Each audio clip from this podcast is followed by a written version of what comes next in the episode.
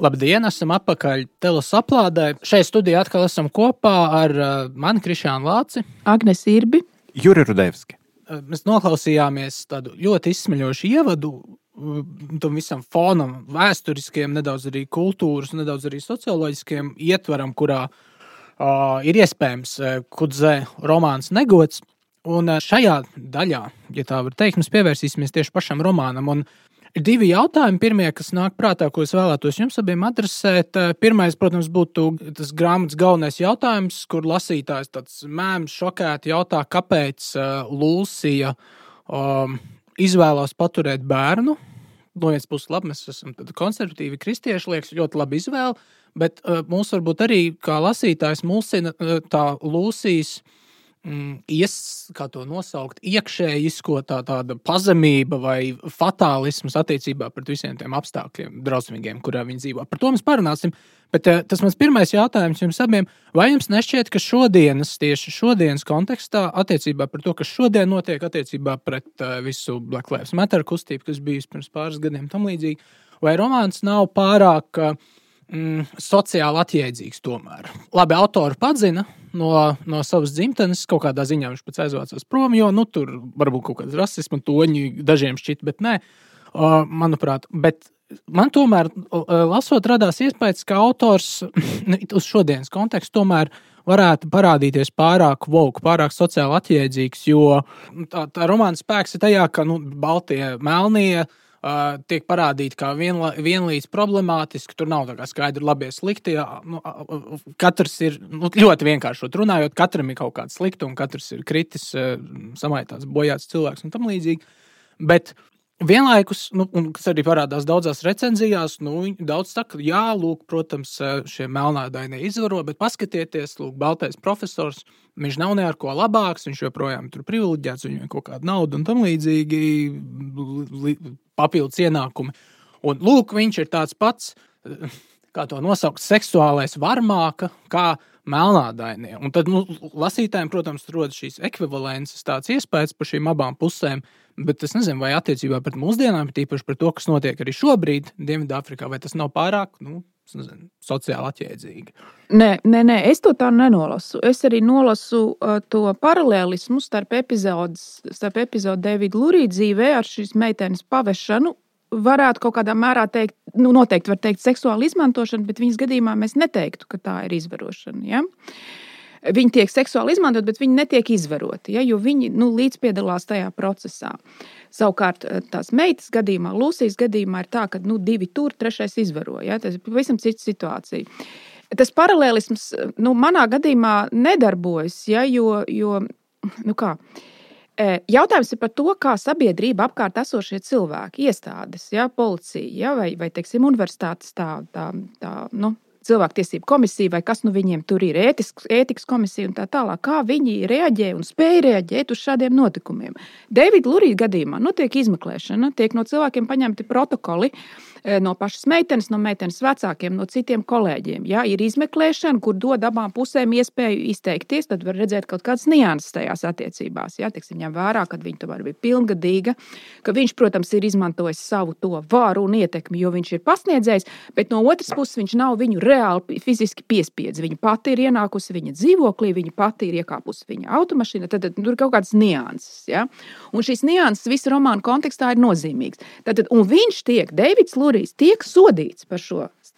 Ir tiesa, varētu teikt, ka ir tiesa iekšējā izmeklēšana. Viņš atsakās pieņemt tos risinājumus, ko viņam piedāvā, jo viņš ir ļoti lepns un cinisks. Viņš neko negrib nožēlot. Viņš nu, šajā sakarā zaudē savu darbu, karjeru, respektu. Iespējams, arī publicēšanās iespējas, reputāciju, pilnīgi visu. Arī viņa mašīna tiek izdemolēta, viņa dzīvoklis tiek izdemolēts. Ja? Viņam ir, protams, finansiāls ja? tad, tad problēmas pēc tam. Uh, Un no otras puses, nepavisam nav tas paralēlisms spēkā, ja mēs redzam to, kas notiek ar Lūsiju. Lūsijas gadījumā nenotiek, pirmkārt, viņa neziņo par šo notikumu. Ja? Uh, Lai gan viņai tēvs viņai mēģina vairākas reizes pierunāt, ja, ka tas ir tas, nu, tas vienīgais pareizais ceļš, kā viņa nu, pēc tam var dzīvot teiksim, tā, ar pilnu krūti. Ja, ka, nu, ka, ka viņi ir meklējuši šo taisnīgumu panākšanu. Ja. Viņi atsakās to darīt. Policija neiejaucās. Viņas draudzene, tā Bena, Beva Šova, arī ļoti labi zina, ka ir runa par iz, nu, izvarošanu, bet viņa neiet, nenostājas tajā pusē, ka vajag ziņot policijai, vajag tātad meklēt šos izvarotājus. Arī citie cilvēki neiesaistās. Tur, tur ir tas, ko es iepriekš jau teicu, ja, nu, tas, tā, tā morālās korupcijas atmosfēra. Ja, kad, Bet pats trakākais ir, man liekas, tas, tas mēsls ir tajā, ja, kas arī Deividu Luriju, kurš ir no kura skatījuma tiek stāstīts šie abi stāsti. Nu, nu, tas viņa izmisuma sauciens ir tajā, vai, vai varētu būt tā, ka Lūsija nostājas šajā, kā tu saki, ja, suņa pozīcijā. Viņa pat tiek, tiek salīdzināta ar suni. Ja. Tevis pārda, un tu, tu vienkārši skaties ar lūdzošām acīm. Tev tūlīt zemē atņems, tev tūlīt visu atņems. Tevi izvaroja, ja tu audzinās to izvarotāju, nu, tad, tad to bērnu, un iespējams tev piespiedīs aprecēt, aprecēties ar tā izvarotāju radinieku un pat dzīvot, ja tur vienā mājā ar tieši to vienu no tiem cilvēkiem, jo viņš ir radinieks. Kurš tev izvaroja? Tev tur zemāk nav kur krist. Principā. Nu, no mūsu nu, skatu punkta viņa rīkojās pareizi, jo viņa šo balto vainu ir iesaviskojusi sevī tik ļoti. Mēs zinām, šie likumi San Francisco, kur piemēram arī. Bet es neteiktu, ka mēs, ka būtu, es neteiktu, ka mēs varam skatīt šo, ko tu sauc par vogue skatījumu, kā uh, grāmatas autora skatījumu. Tas varbūt ir Lūsijas skatījums kaut kādā ziņā, ka viņa, būdama baltā, nes vainu līdzatbildību par apartheidu. Bijusi hipieta no komunas. Jā, jā, jā, bijusi hipieta. Viņa to nes. Homoseksuālas orientācijas persona, it kā. It kā, tas tur arī vēl ir uz jautājums zīmes. Jūri, varbūt jūs. Jā, vai nav vairāk pārāk vogue? Uh, nu, eh, eh, Jautājums, tas ir vispār ļoti interesants jautājums, eh, jo, eh, kā jūs teicāt, pēc romāna publikācijas eh, autors Džons Maksvels Kutsija aizbrauca, emigrēja uz Austrāliju, kļuva par Austrālijas pilsoni. Es gan nezinu, vai var teikt, ka viņš, ka viņš ir bijis tieši spiests atstāt Dienvidāfriku. Jā, pret viņu spiediens zināms bija un um, arī toreizējās Dienvidāfrikas prezidents Tabum Beki izteicās par šo romānu negatīvi. Jā, varbūt, varbūt pats Kutsie jutās varbūt apdraudēts, bet 2003. gadā, kad viņš saņēma Nobela prēmiju, tas pats Tabum Beki viņu apsveica un teica, ka jā, ka lepojas, ka lūk, Dienvidāfrikas dēls saņem un jā. tā tālāk. Nu, viņš tāds Dienvidāfrikā pazīstams, um, Kutsie viņš ir it kā afrikāneris, bet viņa dzimtā valoda un pirmā valoda ir angļu. Uh, viņš ir tāds, uh, nu, teiksim, ekscentrisks kungs, vairāk, protams, uz kreiso pusi. Viņam bija problēmas uh, Amerikā, kad viņš protestēja pret um, Vietnamas karu. Nu, viņš pats gan sevi de definē kā Dostojevska raznočiņets. Viņš tā, tā sevi sauc, ka tas ir viņa politiskais uzskats. Nu, viņš ir tāds ļoti uh, ekscentrisks un tā arī tiek uztvērts. Es šo romānu lasīju, cenšoties no paša kucie, no paša autora atbrīvoties, tā kā šis romāns uh, dzīvo savu atsevišķu dzīvi. Domāt nevis, ko grib pateikt autors ar to, bet gan kāda tēma objektīvi šajā tekstā ir. Un es teiktu, ka šeit ir arī stipra sasaiste ar šo aparteidu un postaparteidu jautājumu. Ja man liktu izvēlēties šā, šim romānam apakšvirsrakstu, tātad kā vēl varētu nosaukt? Pamattēma. Manuprāt, pamattēma šai romānam ir pašapmāns. Pašapmāns ir katra, burtiski katrā nodaļā, pamatiem ir pašapmāns un laiku pa laikam augsta un sāpīga ūdens šalts saskaroties ar realitāti, un pēc tam atkal kāpšana uz grābekļiem un, un, un pašam. Sāksim ar, ar teiksim, ja mēs pastāmies romāna ritumu, ja, kā iet romāna sižets. Deivids Lūrī apmāna sevi, ka šī eskorta meitene Soraja, ka viņai ir kaut kāda, ka pirmkārt viņš iedomājas, ka viņam ir tādas fantāzijas, ka tā ir kā, kā viņa gandrīz vai sieva. Tad viņš iedomājas, ka viņš, ka viņš varētu viņai patikt ne tikai kā, kā naudīgs klients, bet arī kā, arī kā vīrietis. Tad, Jā. tad, tad, tad viņam tad ir sāpīga vilšanās. Pēc tam viņš iedomājas, ka viņš uh, 52 gados šī naivā meitenīte, 20-gadīgā Melānija, ka, viņai var, kā, ka starp viņiem var būt, un arī līdz pašām romāna beigām viņš patur tādu fantāziju, ka, lūk, lūk, viņas sirdī arī varētu Jā. kvēlot kaut kāda mīlas liesma pret viņu. Uh, viņš apmāna sevi, domādams, ka viņš uh, tiks cauri ar to, ka jaunajā postaparteida Dienvidāfrikā, kur varbūt ir tāda sāsināta, jā, kā jūs pareizi teicāt, tāda vairāk vokiska tāda attieksme pret dažādiem pāridarījumiem, ka tu universitātes vadība uz, paskatīsies uz to um, uh, caur pirkstiem. Uh, pašapmāns ir ļoti skaidri, manuprāt, redzams arī tajā operā, ko viņš raksta. Jo ir ļoti skaidrs, ka, uh, manuprāt, ka šīs Bairona stāsts, Bairona mīlas stāsts ar Terēzi, ka no šīs Terēzes Gvičoli viedokļa, kura, kura mīlēja Baironu, jā, šī itāļu dišciltīgā meitene, uh, un, un viņš tur apraksta viņas ilgošanos pēc nu, jau mirušā Bairona. Nu, skaidrs, ka Baironā viņš saskata sevi, un, un, un Terēzē viņš saskata Melāniju, bet, nu, protams, ar to fundamentālo atšķirību, ka, ka Terēze mīlēja patiešām Baironu no visas sirds, un, un, un kaislīgi arī pēc viņa nāves, un, un visu mūžu domāja tikai par viņu. Melānija, kā to teica Melānijas draugs, pēc tam viņam iespļautu sejā, uh, vai ne, par to viņš, tad, viņš visu laiku sevi apmāna. Jā, arī Lūsijas stā, arī Lūsijas ir, ir apmāns. Arī Lūsija, Kādā veidā Lūsija sevi Lūsija apmāna? domā, Lūsija domā, atkal, kas ir svarīgi. Lūrija un viņa meita nāk no turīgas, inteliģentas, apsargājamā un drošā kokonā dzīvojošas uh, Cape Towns balto cilvēku uh, vidas. Nu, Jā. jāsaka, Cape Towns krāsainē arī Jā. līdzīgi dzīvo. Un viņa domā, ka viņa uh, ieradīsies uh, vienkārši tā, tad uh, nopirks fermu un, un, un, un bez kādām problēmām turpinās dzīvot šajā, kā, kā saka pats eh, Kutsija, vecajā kafrārijā, eh, ievērojot to, ka aparteida sistēma un bantustāna sistēma ir atcelta un ka daudz melnie grib šo zemi sev piesaistīt. Viņi to it kā neredz. Viņa, viņa, viņa, viņa skatās pašā sākumā, viņai tas pusgraudnieks, ja pušelnieks Petrus. Ja? Jā. Uh, viņa šķiet, ka viņa, viņa sākumā ne, nesaprot, kas viņam ir aiz ādas un kāda ir, ir, viņa, ir viņa tikuma. Un Jā. viņa, un principā šie visi cilvēki, viņi viens otru, parasti nevis viens otru, bet viņi paši, paši sevi apmāna.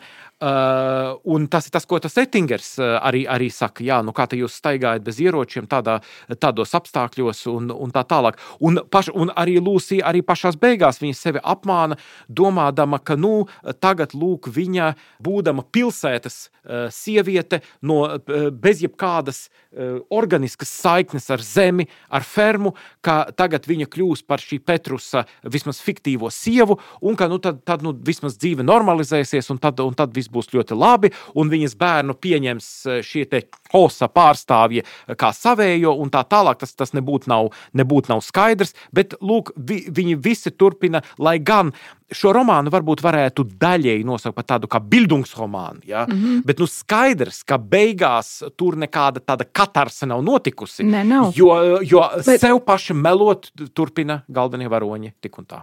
Lūk, un, un šeit man parāda, man šķiet, autors, kā man tas izskatās, smalki pasmējās par uh, jau iepriekš pieteikto to visu rietumu Eiropas kultūru kā tādu. Nu, nu, mēs kā priecājamies par Eiropas kultūras mantojumu un, un visu pārējo. Uh, bet no tā dienvidu afrikāņu skatu punkta uz visu to vārīšanos, kas notiek vecajā pasaulē, ir tāds, tāds nedaudz distancēts skatījums. Un, un, un uh, Kudzē, viņš pats tagad dzīvo Austrālijā, viņš var tā nedaudz no malas paskatīties. Un, uh, kas notiek romānā? Proti, uh, Rietuma Eiropas kultūra, un viss šī augstā kultūra, romantisms, uh, opera, mūzika, uh, izsmalcinātība, labas manieres, arī prestižs un, un, un, nu, viss tas, ko mēs asociējam ar kultūru, un arī bildungu, vai ne šis vārds, vārds netip, mēdz, mēdz būt saistīts ar kultūru. Kultūras mērķis ir šis bildungu audzināšana, kultivēšana.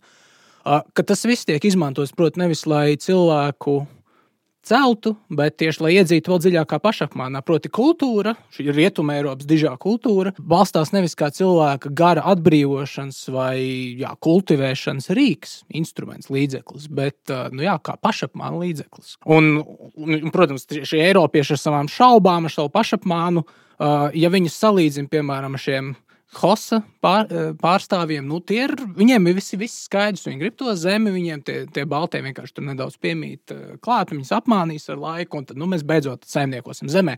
Bet Baltie cilvēki, lūk, atkal ir nu, Eiropieši, vai post-Eiropieši, vai Āfrikas Eiropieši. Viņi ir iestrēguši šajās kaut kādās uh, paššaubās, jā, Lūsija tur eh, šaubās par, eh, nu, Lūsija kaut kādā ziņā arī pieņēmuši šo vauku skatu punktu, nu, jā, ka viņai ir kaut kāda balto vaina, varbūt jāinternalizē sevi.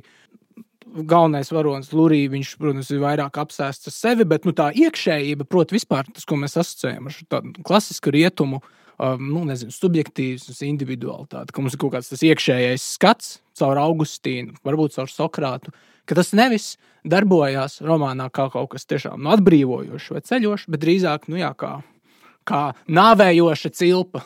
Ja, man ir uh, tehnisks jautājums Jurim, ja? jo jūs, uh, jūs zināt vairāk par mums, par to situāciju, jūs esat dzīvojis tur.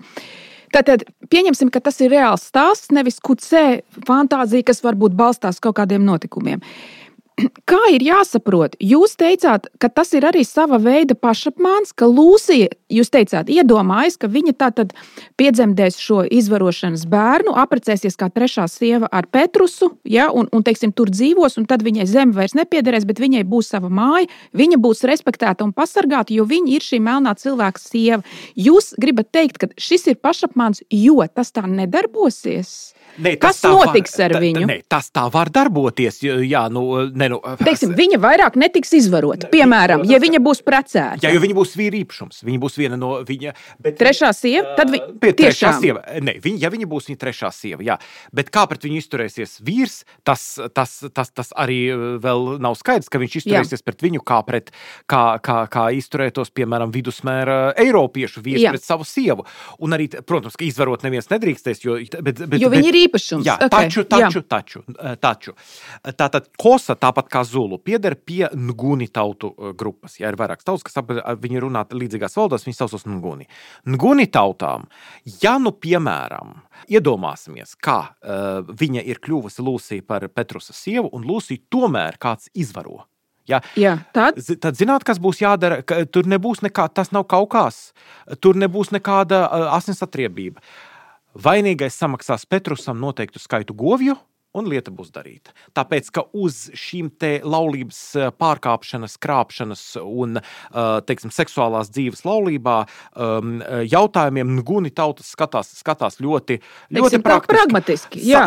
Pieķer sievu ar citu, tā tu maksā uh, saka vīrs, tā, tu man, piemēram, maksā 20 govis, un, ja piedzims bērns, viņa izbaros ar krūti, un pēc tam atdos tev, tu tad audzini, lai tavas sievas vai tava ģimene.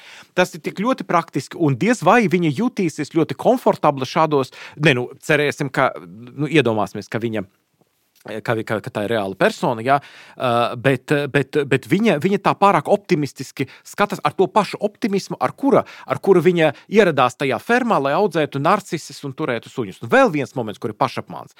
Ne tikai Lurijam, Un Lūsija ir pašapmāns, bet pašapmāns ir vispārēji Dienvidāfrikas sabiedrībai un valstī. Mm -hmm. Un pašapmāns, protams, bija arī pirmajam nebaltajam prezidentam Nelsonam Mandelam. Jo ir, jo ir naivi domāt, ka pēc nu, gandrīz pusgadsimta Eh, šī aparteida režīma, ka to vienkārši atceļot, ka nācija uzreiz ies pa progresa, miera un saticības ceļu. Un principā jā. par rietumu vērtību un, un ceļu, rietu, un par, kur par vērt... izvarošanu ne, nu, nemaksā jā. govīs, teiksim, nu, nu, jā. Jā, bet kaut kā citādāk to risina. Un, vēl, un, un, un ka, ka nemaksā govīs, un to, ka par to maksāja šajā ziņā, var teikt, ka baltajiem, un, un, un šajā gadījumā, protams, Lūsija un viņi, viņu dzimtā valoda ir angļu, viņi tieši neidentificē sevi kā afrikāneris. Ja? Bet šajā gadījumā Baltija afrikāneri, var teikt, maksā cenu. Jo, jo, nevar, jo redzat, 48. gadā, kad, tika, uh, kad sāka uh, iedzīvināt, piemērot uh, šo aparteida politiku, doma bija tāda, ka katra rasu grupa attīstīsies harmoniski savā, nu, vismaz uz papīra tas bija paredzēts, ka Baltija, eh, teiksim, zem balto tādas patronējošas pāraudzības, Baltija attīstīsies harmoniski savā starpā, krāsainie savā, melnie savā. Un tas nozīmē, bet, bet, bet te nu nāca, kad apartijas tika pēkšņi atcelts, te nu nāca apskaidrība, ka nevar atdalīt šos te melnās bantu tautas un pēc tam cerēt, ka tad, kad notiks atkal apvienošanās pēc apartīda atcelšanas, pēkšņi kaut kur šīs senās uh, bantu, šie senie bantu tikumi, kas, kurus, kurus, kurus mēs daļai redzam arī šeit, Jā. ka šie senie bantu tikumi būs pazuduši. Piemēram, ka viņi būs kaut kur pazuduši, ka viņi, ka viņi kļūs par, par, par, par tādiem uh, teiksim, Eiropiešiem. Eiropiešiem, jā, tikai, tikai ar melnu ādu. Nu, tas taču nenotiek tā. Nu, lūk, tāpēc man atkal jāatgriežas pie nu, savu iepriekšējā jautājumu, vai es nešķiet, ka romānā o, Eiropietis vai Eiropeiskā kultūra tiek kaut kādā ziņā nu, kritizēta. Jā, no vienas puses ir Eiropiešu kultūras atnestās lietas uz Dienvidāfriku, ir tas, ko arī Agnese minēja. Ir, ir formāls process, nezinu, legalitāte, ja to varētu vienā vārdā ietvert, kaut kāda institucionāla legalitāte. Labi, viņiem tur ir Eiropiešu universitātes, viņi tur var pat studēt Dienvidāfrikā romantiķus, to pašu Baironu. Uh, ja notiek universitātē kāds pārkāpums, to izmeklē. Tad tā ir kaut kāda rietuma lieta. Viss ļoti institucionalizēts un formalizēts. Bet mēs redzam, ka tas viss pret šo nu, Dienvidāfrikas kultūru, pret bantu kultūru kaut kādā ziņā tiek parādīts, attiecībā pret to tiek parādīts kā kaut kas uh, bezspēcīgs, atkal pašaubās iegrims, uh, kaut kas. Uh, nu, Nu jā, ja ne tik ļoti vitāls, tad drīzāk kaut kas, kas ir apmaldījies sevi. Un tad, protams, jautājums par rietumu kultūru vai rietumu veids, kā rietumu kultūra arī tiek reprezentēta šajā grāmatā, vai, vai tiešām par rietumu kultūru runāt par, kā, par kaut ko vienot. Jo kas ir galvenais varonis? Galvenais varonis Lurija veids, caur ko viņš arī filtrē visu rom, šajā stāstā, romānā, ir caur Baironu, šo romantisko angļu zvejnieku, kuram pašam ļoti eksotiska un interesanta dzīve, bet kas jau kaut kādā ziņā ir atkāpe no nu, šis romāns, nezinu, angļu, vienalga, franču, vācu nedaudz romantisms, jau ir atkāpe no tāda klasiskā, nezinu, antīkā, kristīgā etosa, jo kas viņam ir svarīgs, uh, nu, gan Lūrijam, gan Baironam, viņam svarīgs tā pašidentitātes izpratne. Ir, uh, Un arī ētiskā paradigma, ja tāda vispār ir, ir nevis uh, nezinu, savaldīt savas ziņas ar prāta palīdzību, kalpojot augstākam ētiskajam ideālam vai pienākumam, bet baudās un iekārēs un kaislībās viņš saskata to savu īsto personības kodolu. Un, un, un, Un tad, ir tas galvenais, caur ko tiek parādīta bez, bez mazliet rietumu kultūras prizma. Jā, es gribu Jā. polemizēt pret. Ja? Tā tad. Pārlasot tagad trešo reizi, ja, es saku, kas, protams, ir tikai mans skatījums. Man Deivids Lurija ir pozitīvais varonis. Nevis antivaronis, bet pozitīvais varonis. Ja? ar visiem tiem cilvēciskiem trūkumiem, kas ir, ar visu to, ko viņš samaksā, ar visām savām ziņām, ar kurām viņš negrib tikt galā. Tāpēc viņš arī netiek. Bet viņš samaksā zināmu cenu par to, kas brīžiem pat ir diezgan augsta. Ja? Ar visu savu tādu neīsto, falšo, ja? nepārliecinošo atvainošanos Melāna izpavastās meitenes vecākiem. Ja? Kur tas tēvs arī viņam ļoti labi saka, ja jums, jums nevajag to mūsu atvainošanos, jo viņi ir ticīgi, šķiet, viņi ir kristieši. Ja? Viņš saka, jums, jums, dieva, jums būs savs izpirkšanas ceļš dzīvē, un Dievs to visu noskaidros. Mēs romānā redzam, ka tas notiek. Ja? Jo saka, mēs nemaisīsimies. Jā, mēs neiejausimies. Ja? Dievs darbojas šajā pasaulē, un romānā šis, šis pravietojums it kā piepildās. Ja? Kad Deivids pilnīgi pazaudē nu, spēju ietekmēt savu meitu, kas viņa prāt izdara nu, absolūti neprātīgus lēmumus un soļus. Kāpēc viņš viņš, manuprāt, ir varonis, nevis antivaronis. Deivids Lurija ir, es teiktu, vienīgais, kurām romāna laikā, kas diezgan neticami, jo viņš sāk no ārkārtīgi cīniskas vietas, notiek tāda kā personības izaugsme, kas ir diezgan pārsteidzoša. Deivids Lurija tur tajā, tajos austrumos, ja, kā, kā tur bija Austrumkāpas provincē, vienīgais, kurš, rie, kurš rīkojas atkārtoti, neatlaidīgi, drosmīgi, Tur ir vairākas epizodes, ka neskatoties uz to, ka viņam ir pārsieta galva, viņš ir savainos, viņam ir 52 gadi, viņš ir fiziski vārgs. Viņš dodas uz to Petrus organizēto ballīti naktī, ja, kur ir visapkārt tikai melnādainie cilvēki. Un kā vienīgais baltais tur iet klāt pie tā izvarotāja, tā zēna, ja, un draud viņam, ka tu brauks policija. Iedomājieties, viņš varēja, viņu varēja nogalināt tur uz vietas. Nu, viņš arī viņš vienīgais rasists nedaudz kaut kādā ziņā. ne, viņš vienīgais, un pie tam viņš dara to vairākas reizes. Ja, viņš mēģina mēģina organizēt tos citus cilvēkus. Viņš mēģina iesaistīt ārstus visā tajā izvarošanas lietā. Ja?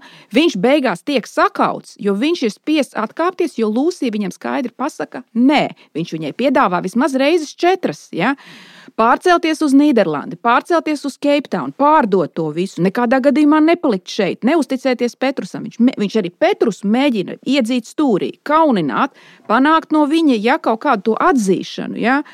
Vai, nu, teiksim, bezmaz tādā veidā, Petrus, vai tu gribētu, tava, lai tavai sievai to izdara, tas, kas manai meitai tiek izdarīts, viņš nesaņem nekādu normālu nu, atbildi, ja? jo nav arī tur nekādas normālas atbildes. Petrus vienkārši redz nu, pasauli citādāk, ja? es teiktu, amorālā veidā, un nevis es teiktu, bet tā arī ne, ir. Viņš, viņš ja? redz pasauli savā kult, savas kultūras determinētajā veidā. Ļoti bantu, bantu kultūras.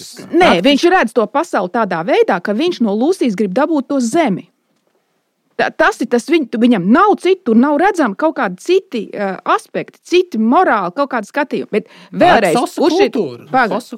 Paga, es neesmu uh, relativists, ja? bet es gribu uzsvērt, ka jums, es priecāšos, ja jūs oponēsiet vai tam līdzīgi. Manuprāt, Deivids Lūri ir viens no retajiem pozitīvajiem varoņiem. Pauze. Ir, ne, nu, salīdzinoši, vai ne? Salīdzinoši ar pārējiem. Nu, jo nu, tas veids, kādā romāns mūs iepazīstina un ved uh, līdzi Lurija, ir uh, kaut kādā ziņā ļoti intīms. Un, protams, tas ir uh, tas stāstījums un stils ir paša Lurija stāstījums par sevi trešajā personā vienlaikus caur dažādu romantisku, poētisku klišeju prizmu. Viņš tur Jā. poetizē savus pieredzējumus, viņš tur fa filozofē un fantazē par savām kaislībām un tam līdzīgi. Bet vienlaikus, jā, ir nojaušana kaut kāda šī. Uh, nu, nezinu, sirdsapziņas vai taisnības izjūta viņā. Vai ne? Jā, Jā. Uh, vienlaikus ir, uh, ir nu, šis jautājums, vai uh, kaut kāda viņa tāda klusa pārākuma sajūta pār to citu kultūru, pār hostu kultūru, bantu.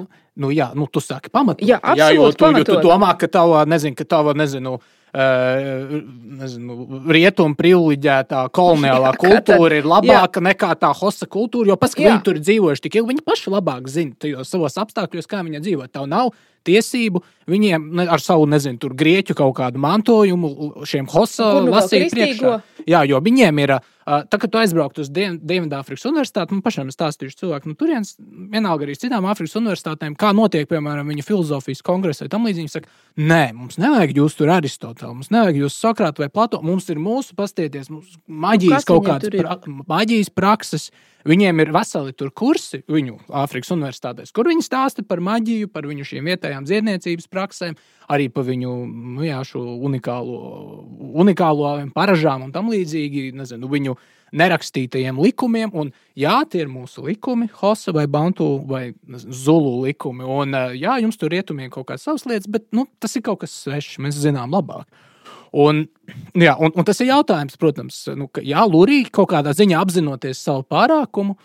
Nu, jā, viņš varbūt izkāpa ārpus šī relatīva kultūra relativisma vai kultūra determinisma. Varbūt jau skatās no kaut kādas augstākas šīs morālās prizmas, morālā dzirksts viņā, nezinu, pamostās. Jā, nu, Lūrija, protams, ir, kā jau teicu, tādas labi apsargātas un apčubinātas pilsētu uh, kultūras pārstāvis no Dienvidāfrikas uh, viedokļa raugoties. Līdz ar to viņš, jā, viņš, viņš varēja visu mūžu nodzīvot. Uh, uh, rietumu uh, jēdzienu un riet, rietumu konceptu pasaulē, interesēties par romantismu, arī teiksim, domāt tādās uh, romantisma kategorijās, un uh, viņam ir šī ļoti pēkšņa un sāpīga saskarsme ar ar, ar, ar, ar šo te uh, bantu kultūras uh, vienlaikus uh, nežēlību un vienlaikus ļoti lielu praktiskumu. Ja? Un, uh, un, un, jā, nu, tāds liels tas pretstats, vai ne starp viņu izsmelcinātību un pēkšņi jā, jā, bet, jā, bet, jā, bet lūk, tas ir, tas ir tas, kas mani mazliet pārsteidza romānā, tas, ka tur neparādās afrikāneri. Tātad cilvēki, kuri ir afrikāņi, bet viņi ir baltie, viņiem ir uh, no Eiropas mantoti uh, priekšstati par taisnīgumu, uh, par, par, par eh, teiksim, grēknožēlu, par teiksim, atdarīšanu un tā tālāk, bet vienlaikus viņi, ir, viņi neskatās ar tādu naivu uh, skatienu kā uh, Lurija un viņa meita, jo viņi ir jau 19. gadsimtā un uh, ir, ir, ir jau kontaktējušies, karojuši, slēguši līgumus, tirgojušies ar šiem bantu un ļoti labi zina šo bantu mentalitāti, uh, un kuri turās pie savas zemes. Viņi, viņi, viņiem, viņiem zeme ir ļoti liela tāda tāda vērtība, un viņi, lūk, ir kā tas, tas varētu teikt, tāds kā tilts starp šo bantu uh, kultūru, šo seno Āfrikas kultūru un uh, šo Keiptaunas apsargātā kokonā saglabāto Eiropas romantisma kultūru, jo, jo, jo šeit neparādās tas, tas, tas arhetipiskais būrs, kuram ir viena roka uz arkla, otrā rokā bībele un aiz muguras šautene. Un kurš eh, tā tad ir jau ieaudzis šajā zemē, viņš ir afrikānis. Viņš arī saprot tos afrikāņus, bet viņa mentalitāte, protams, ir eiropeiska, jo tā ir holandiešu kalvīnisma ietekmēta. Lūk, manuprāt, šis pārāvums tiek parādīts šajā, šajā romānā, tas tilts neparādās. Ne? Un tas ir tāds, tas ir tāds druskuļi tāds šokējošs moments. Tāds, tāds kā, uh, atkal es teiktu, ka, ka, ka, ka cilvēks, kurš ar Dienvidāfrikas realitāti uh, tā daudz maz labi pazīst, lasa šo romānu noteikti citādi nekā cilvēks, kurš to lasa vienkārši kā balta lapa. Es, es, var, jā, es gribu, kamēr jūs runājat, pārdomāju to tavu pirmo jautājumu. Ja? Jo es varbūt laikam ne līdz galam uztveru šobrīd, vai tu to jautā ironiski, vai tu jautā izaicinoši, vai tu paudi to savu nostāju. Ja? Teiksim, vēlreiz tavs pirmais jautājums šajā sarunā. Ja? Vai, vai romāns ir vogue, ja? vai viņš stāv pa daudz tajā vogue pusē? Nu, manuprāt, nē. Viena lieta, ja, ko, ko ju, Juris runā par pašapmānu, ja, un to, to pašapmānu plīvuru nokrišanu labākajā, nu, labā gadījumā piedzīvo arī lasītājs uz beigām. Ja. Uh, Ja, ar ko mēs nodarbojamies? Ja? Mēs nodarbojamies ar, ar, ar, ar kaut kādiem triviālām lietām. Ja? Vai vīrietis tā paskatījās uz sievieti, vai tas bija viņš viņu kaut kā, kā ar skatienu izģērba, ja? nu, vai, vai šis vārds bija aizvainojošs, vai šis ir politkorekts termins, teiksim, ja? vai drīkstētu vispār par to runāt. Mēs drīkstam šajā sarunā vispār teikt melnie un baltie. Varbūt tas ir kādam aizvainojoši, kāds klausīsies, un viņam tur sirds sāks trīcēt un tā tālāk. Tas ir tas, ko mēs nodarbojamies. Un romāns noliek mūsu acu priekšā ja, to, ko jūs jūrijā arī sakāt. Un jūs arī sakāt, ka tas nav pārspīlēts. Šī aina, kas ir aprakstīta, nav pārspīlēta. Viņa ir tieši tāda, un jau daudzus gadus šo īsto realitāti, ja, kur teiksim, tāda šī te baltā sieviete, ja, kas tur drēb par, nezinu, par kaut kādiem nepolitkorektiem vārdiem savā sociālos tīklos, viņa neizdzīvo, neizdzīvo tur septiņas minūtes. Tā kā absolūti, absolūti ja, viņai aiz muguras būtu jābūt vīram, brāļiem, tēviem, visiem bruņotiem līdz zobiem. Tad viņai ir cerība, ka viņu grupveidā neizvaros, neuzskatot par suni vai pat zem suņa. Un tas ir, man, te es redzu, viņš ir tie, tas, tas vēstījums ir tieši anti-vogue, ja atmostieties. Nu, realisms to varētu nosaukt. Jā. Realisms. Bet, bet jo vēsturiski jau vajadzēja atkal, atkal jājautā, kur tad šie cilvēki, kuri, kuri tā viņi nonāk ar šo te kosa kultūru vai ne sakarā, bet jājautā, kur tad, vai tad tie cilvēki nezina savas Dienvidāfrikas vēsturi, jo, jo lieta tā, ka um, šī te vardarbība, kas šajā gadījumā izpaužas gan kā Lūsijas izvarošana, Jā. gan kā mēģinājums sadedzēt sadedzināt lūrī, ir eh, kā vardarbība, kā kareive, kā karotāja, tāds, tāda, tāda nepieciešama uh, īpašība, it īpaši, lai iebiedētu, lai, lai, lai, lai pretošanos vai ne novērstu, uh, bija um, taču um, radniecīgas tautas Zulu ietvaros 19. gadsimtā, kad Zulu valdnieka šakas vadībā Zulu izpaužas viņu, viņu teiksim, tā ķēniņa valsts e, izplatās uz visām pusēm, tad bija tajā laikā, kad būri, apmēram tajā pašā laikā, kad būri devās uz, no kāpas e, e, kolonijas uz Transvālu, meklēt jaunas zemes.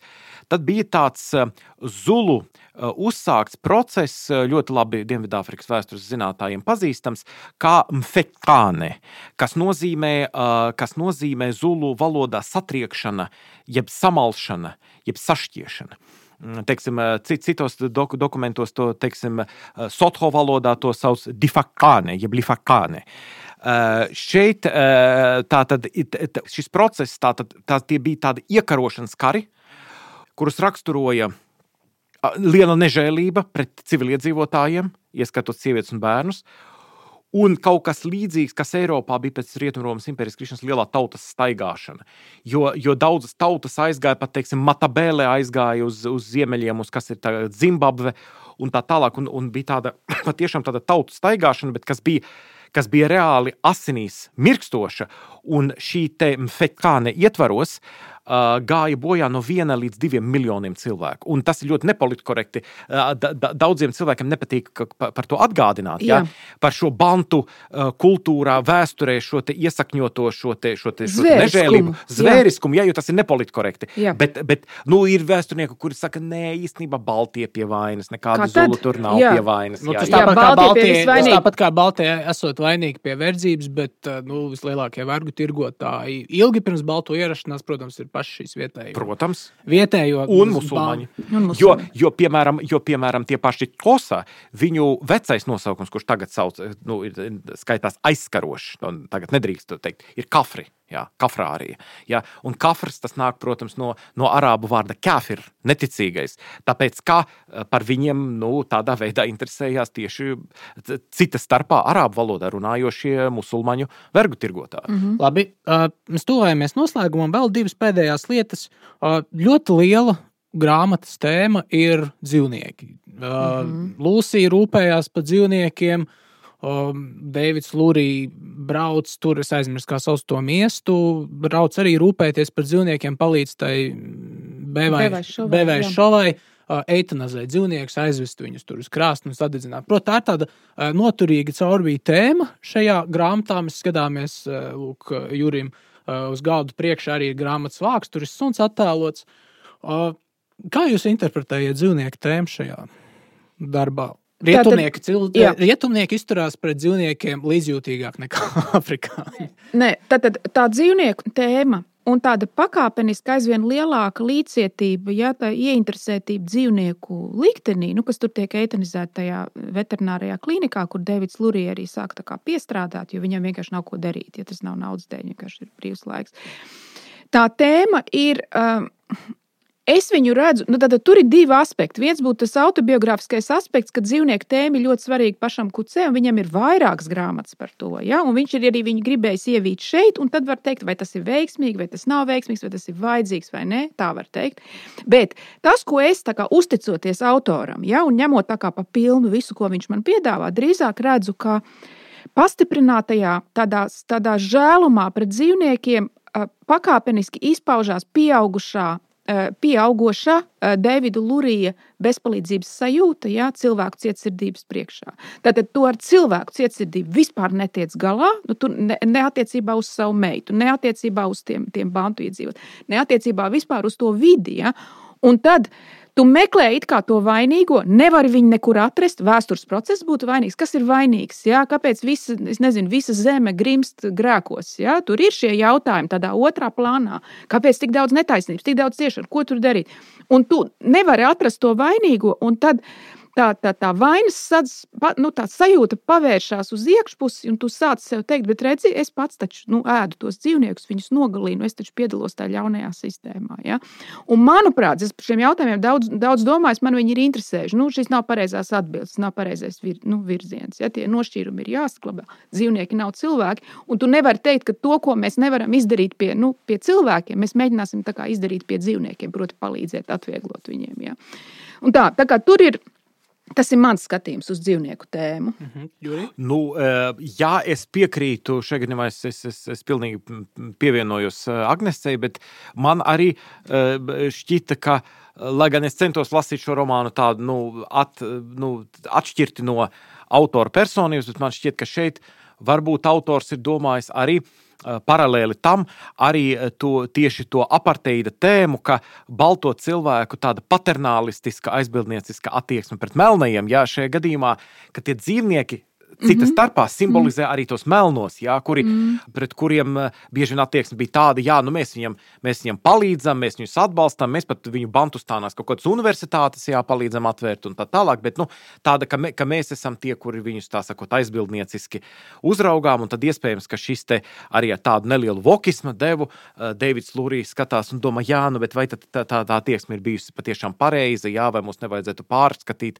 un tā tālāk. Jo, jo, jo nu skaidrs, ka tāda rasistiski elementi viņa domāšanā ir. Jo tad, kad viņš, kad viņš domā par to, ka viņš lieto tos tādus izteicienus savā domās, ka tas, ka tas izvarotājs viņš redz, ka viņš skatās pa vannas istabas logu un lūr, kā mazgājas Lūsija, tad viņš domā, ka, ah, nu es, es, es tev iemā, saka, iemācīšu, es tev pārmācīšu, es tev pasniegšu stundu. Ja? Nu, tas ir apmēram tāda attieksme arī varēja būt. Es domāju, ka varbūt autors ir gribējis arī blakus tam, ko jūs, Agnes, sakāt, arī uzsvērt to tādu kā analoģiju, ka dzīve dzīvnieki, melnie cilvēki, baltie, bet ne jau nevis tādā ziņā, ka viņš noniecināts, bet tieši ka, ka, ka, tas, ka tas lūrī tādā veidā, ka viņam nāk tāda apskaidrība jā, attiecībā uz, uz, uz melno cilvēku cilvēciskumu arī. pirms mēs noslēdzam, varbūt, uh, nu, kā jums šķiet, uh, tāds jautājums no manas puses, bet vienlaikus jautājums, kas ir nu, novērojams par šo romānu. Proti, vai jūs, kā jums šķiet, vai arī rietumu kultūra šajā darbā, es atkal atgriežos pie rietumu kultūras, mm -hmm. vai viņi netiek parādīti jau šajā tādā nu, vēlīnā erozijas pakāpē, proti, uh, nu, galvenā varoņa Lurija, piemēram, nespēja vispār kaut ko pateikt savai meitai. Proti, klasiski vēl līdz pat nezinu, 19. gadsimta beigām. Uh, vēl daudz kur šur tur rietumos, joprojām nu, Eiropas kultūras areālā, arī ārpus geogrāfiskās Eiropas. Tēvam tomēr ir teikšana par savu meitu. Viņš var pateikt, tu darīsi tā, un viss tev, tev nu, nekādas teikšanas. Labi, protams, mēs varam teikt, ka tādā klasiskākā izpratnē meita tiek uzskatīta vienkārši par tēva īpašumu, kā tas arī ir pie Bantu. Un mēs redzam to, to kontrastu, vai ne romānā, ka Bantu kultūrā, tajā hosa kultūrā, piemēram, Petrusam ļoti vienkārši. Viņam ir tās divas sievas, viņš viņas tur izrīko, viņš nosaka, un visticamāk, viņš arī izrīkos un noteiks likteni uh, savai trešajai baltajai sievai, kura uh, attiecībā pret savu tēvu, uh, savu tēva vārdu, tēva pavēlēm tēlo šo brīvo emancipēto uh, rietumu sievieti, apgaismības projekta augli, nu, viņai ir sava individualitāte, viņai ir sava pašnoteikšanās, viņai pašai savi plāni, sava zeme, savas idejas un, un, un pats savs dzīves ceļš, protams, pašnoteikšanās, kuru viņa brīvprātīgi uztic šim Petrusam, Jā. atkal nonākot patriarchālajā sabiedrībā, pat zem patriarchālās sabiedrības, zem tēva vārda, kura jau, nu, teiksim, rietumos jau ir atmirusi, jo nu, viņas tēvs viņai, viņai neko nevar pavēlēt. Jūs, starp citu, liels paldies! Jūs manī taču at, atmodinājāt vienu, vienu punktu manā atmiņā, kuru es nebiju iedomājies. Jā, patiešām, es tikai nezinu, vai tiešām pats autors to tā to, to, gribējis to uzsvērt, bet tā ir taisnība. Skatieties, uh, ir starp Lūriju un meitu ir tāds kā bezdibenis. Jā? viņa meita ir atsevišķa. Pirmais, kas uzreiz metas jau, jau tās duras acīs, tas fakts, ka viņi nesauc viņu par tēvu vai tēti, viņi sauc viņu par Deividu. Ja? No otras puses, Nguni tautām, tātad Kosa un Zulu un citām, tradicionāli ir tā, ka pat ja sieviete iziet pie vīra, emocionāli viņa joprojām turpina būt vairāk pieķērusies tēvam nekā vīram. Lūk, es nezinu, vai, vai, vai, vai to acīm redzot, viņš to, to, to ir mēģinājis. Tas tā ir tāda, tāda varbūt tāda finese, kuru vairāk tā Dienvidāfrikas pazinējs nu, zinās un uztvers. Bet jā, iespējams, ka viņš gribējis uzsvert arī to. Bet runājot par to, ko jūs ļoti trāpīgi teicāt, šī te Eiropas kultūra erozijas. Vai pašizdīcināšanās. Jā, bet tad ir jājautā, Lurija jau nepārstāv. Vēlreiz es, es at, atkal man ir jāatgriežas pie pretstatījuma starp, starp izglītotajiem un turīgajiem angļu valodā runājošiem pilsētniekiem, tā, tādiem kā, kā Lurija, un lauku afrikāneriem kura tad ir tā rietumu kultūra? Lurija pārstāv 20. gadsimta liberālo kultūru. Vai 19. gadsimta romantiku? Romantiku. Viņš nepārstāv rietumu tradicionālo kultūru. Manuprāt, tur ir tas, tur ir tas punkts. Ja, es gribu papildināt, ja, no drusciņa no citas puses. Tas ir ļoti labs jautājums ja, par to, ka Lūrija nav nekāda tēva figūra savai meitai. Ne pozitīvā, ne negatīvā nozīmē. Ja. Tas pat nav to, ka teiksim, meitai vajadzētu visam klausīt, bet viņ, viņš īsti nav autoritāte. Un aizvien vairāk romāna otrajā pusē mēs redzam, ka tieši meita mēģina rūpēties, kaut gan viņa ir nu, teiksim, izvarota un, un arī pati savainota un traumēta, ka viņa tā uzņemās tās rūpes par tēvu, jo viņai liekas, ka tēvs pārāk pārdzīvo un tā tālāk. Ja, un viņš jau ir vecs, ja viņam ir pār 50 gadiem. Tā. Ko es gribu uzsvērt? Man liekas, ka romānā ir ļoti svarīga tā līnija, ka uh, Lurija nemaz nevar būt uh, pozitīvais tēls un tēvs, ja, šī vārda cienīgs savas meitas dzīvē. Nu, kāpēc?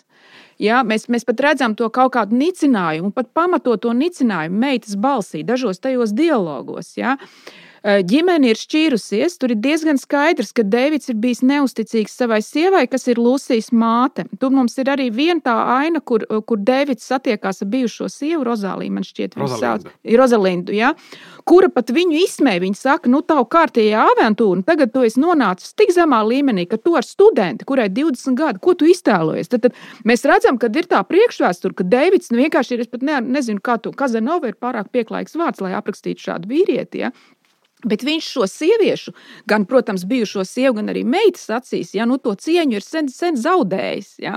Tāpēc viņam arī pat nemaz nepienāks ja, kaut kāda tāda autoritātes figūra. Viņš mēģina viņu atgūt romānā, arī kaut kādā mērā nožēlojot to dzīvesveidu, ja, bet tikai daļēji. Ja, bet viņš ir, mēs redzam uz, uz šī visa fona, vēl pie visiem apskatītajiem aspektiem, arī rietumu ģimenes modeļa sabrukumu. Ja vai ne? Jā, nu, jo un viņa meita ietekme, nonāk hipiju komunā. Jā, un, un šī sabrukuma ietekme uz bērniem. Tieši tā, runājot citu, par šo te uh, uh, Davida Lurijas salīdzinājumu ar Kazanovu, uh, tad Dienvidāfrikā ir uh, tieši tādos gadījumos, ja vecākam vīrietim, tāds vecāks vīrietis ir meitu ģēģeris un viņam patīk jaunas meitenes, tad ir, tāds, ir tāda paruna vecam āzim garšo jaunas lapas.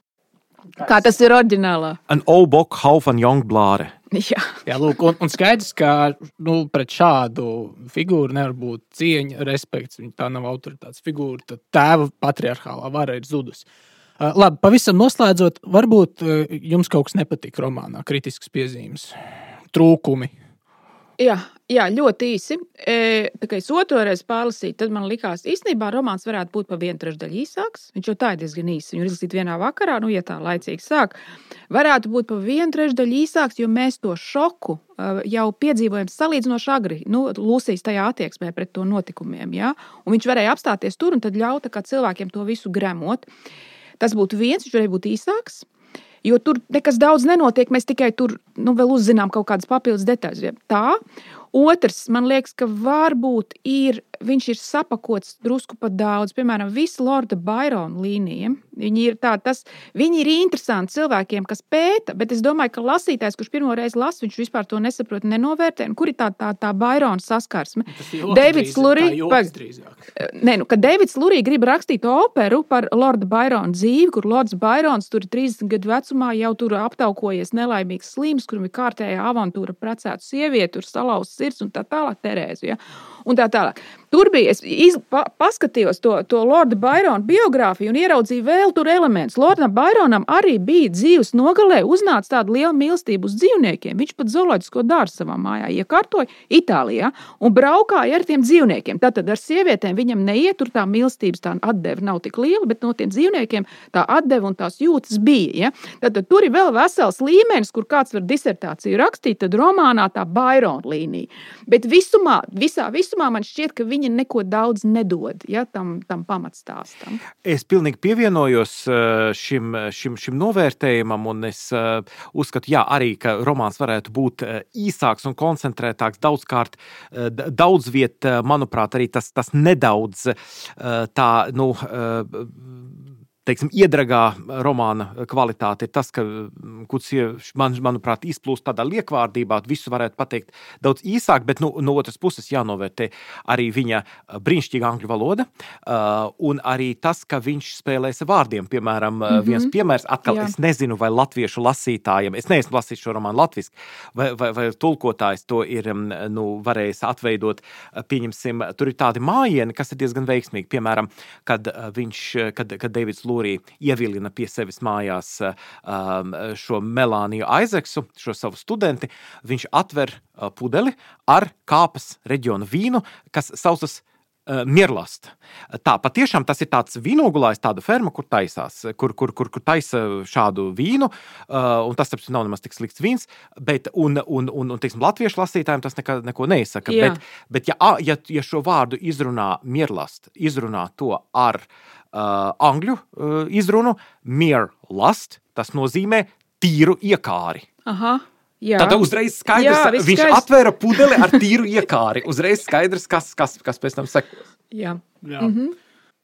Jā, es, jūs teicāt, pārāk izplūdes, bet uh, lasot grā, grāmatu, man tieši stils varbūt vairāk patīk un interesē nekā nekā nu, tas, kas tiek aprakstīts. Tieši tas valoda. Un to es lasīju drīzāk kā tādu varbūt paša autora tādu cinismu, nedaudz iestrādātu humoru, nu, vispār gan par šo pašu Luriju, gan arī par, nezinu, par romantismu un, un, un, un, un, un Eiropas cilvēka vēlī no tādu nedaudz nolemto stāvokli, ka viņam vairs nav atlikušas darbības, viņam vienkārši ir tāda bezgalīga pašapziņa, kas jau aiziet tādā absurdumu. Tas, protams, parādās tajā valodā, kur viņš ir kaut kāds notikums pieredzējums, un tad ir viņam tur tās vārdu spēles bezgalīgās. Jā, jā, jā, jā, jā. jā, tur bija pat komentārs par Bovarī kundzi. Kas tik tur nebija? Tur Vairākās vietās. Vairākās vietās. Jā, un to man patika lasīt. Bet, lūk, nu, kā parasti arī, piemēram, Velbeka gadījumā un Nišiguro gadījumā, jāsalīdzina ar citiem darbiem, kurus mēs esam lasījuši, tad, nu, atkal, ko es pārmetu Nišiguro romānam, netiek parādīta izēja. Nevis tieši guro, bet kucē. Jā, jā, bet es tagad salīdzinu ar Jā, iepriekšējiem. labi. Nišiguro netiek parādīta kaut kāda izēja, liela bezcerība. Šeit arī ir glābiņa iespēja, bet. ā, Nu, jā, jau veids, kādā pats autors arī raksta, es domāju, ir diezgan tāds cīniski distancēts, lai lasītājs noticētu glābiņa iespējām. Protams, arī tā reliģijas loma, kas, kas man pašam būtu svarīga lasot jebkuru darbu. Nu, mēs varam uzdot jautājumu, vai tiešām, tiešām tajā vienā vietā, kur dievs tiek eksplicīti piesaukts, proti, izaksu mājā, namā, kur mm -hmm. uh, tēvs jautā, nu, vai es varu vispār pieminēt dievu. Uh, nu, tajā brīdī varētu domāt, ka jā, lūk, autors kaut ko grib pateikt lielu, bet no otras puses, nezinu, nu, nu skaidrs, jā, tur, tur ir divkāršie filtri. Uh, pats Lurija uh, par šo nožēlu arī, nu, kam ir tāda ļoti reliģiska, kam vajadzēja būt kulminācijai romānā, tas, tas uh, lasītājs tam īsti nenotic. Bet jautājums ir, vai lasītājs var arī noticēt, uh, ka pats autors teiksim, šo reliģisko nožēlas, grēknožēlas momentu, vai viņš to ir domājis nopietni, vai tā ir vienkārši garām slīdoša epizode. Un, lūk, arī ja jāsalīdzina šis ar Velbeku. Tad, atkal, kā jau iepriekš par Išiguro runājot, uh, Velbeka romānos tiešām ir šī skaidra tāda iespēja, pa, tiek parādīta skaidra iespēja, pa kuru ejot. Uh, galvenais varonis varētu būt glābies, mm -hmm. bet viņš to neizmanto. Un tad mm -hmm. ir šis estēt, estētiskais kaut kāda traģiskuma sajūta. Uh, rodās no tā, ka viņš neizmanto šo iespēju. Pār līdzpārdzīvojums, katrs. Uh, nu šeit es nezinu. Šeit katrs nav. Un, ja man, ja man liktu uzrakstīt pavisam īsu epilogu šim romānam, ko mm -hmm. Kusē nedara, jā, bet ja man teiktu uzrakstīt pavisam īsu epilogu, tad, zinot atkal Dienvidāfrikas reālijas, es um, uzrakstītu šādu epilogu. Pagāja daži gadi, un salauztais un nelaimīgais Lūrija pieņēma lēmumu emigrēt uz Austrāliju.